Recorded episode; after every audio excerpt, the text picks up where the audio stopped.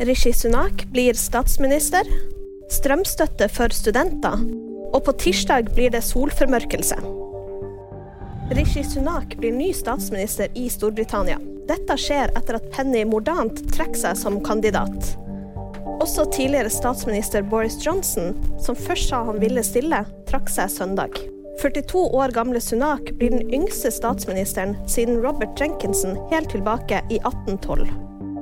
Studenter får 1500 kroner i strømstøtte. Regjeringen og SV er enige om å gi ekstra strømstøtte i år pga. økte strømutgifter. Dette vil gjelde studenter, distriktsbutikker og utsatte grupper i samfunnet. Blant tiltakene er også økt utbetaling til bostøtte for oktober og november. Alt dette skal gjennomføres i 2022. På tirsdag møtes sola og månen. Det blir den største solformørkelsen Norge har hatt på sju år. Det sier informatikkprofessor Steinar Thorvaldsen til NTB. Man kan se solformørkelsen mellom klokka 11 og 13, og den vil være på sitt største rundt klokka 12. Om du befinner deg nord i landet, vil du kunne se den best. Og om du ønsker å få med deg solformørkelsen, er det viktig å beskytte øynene.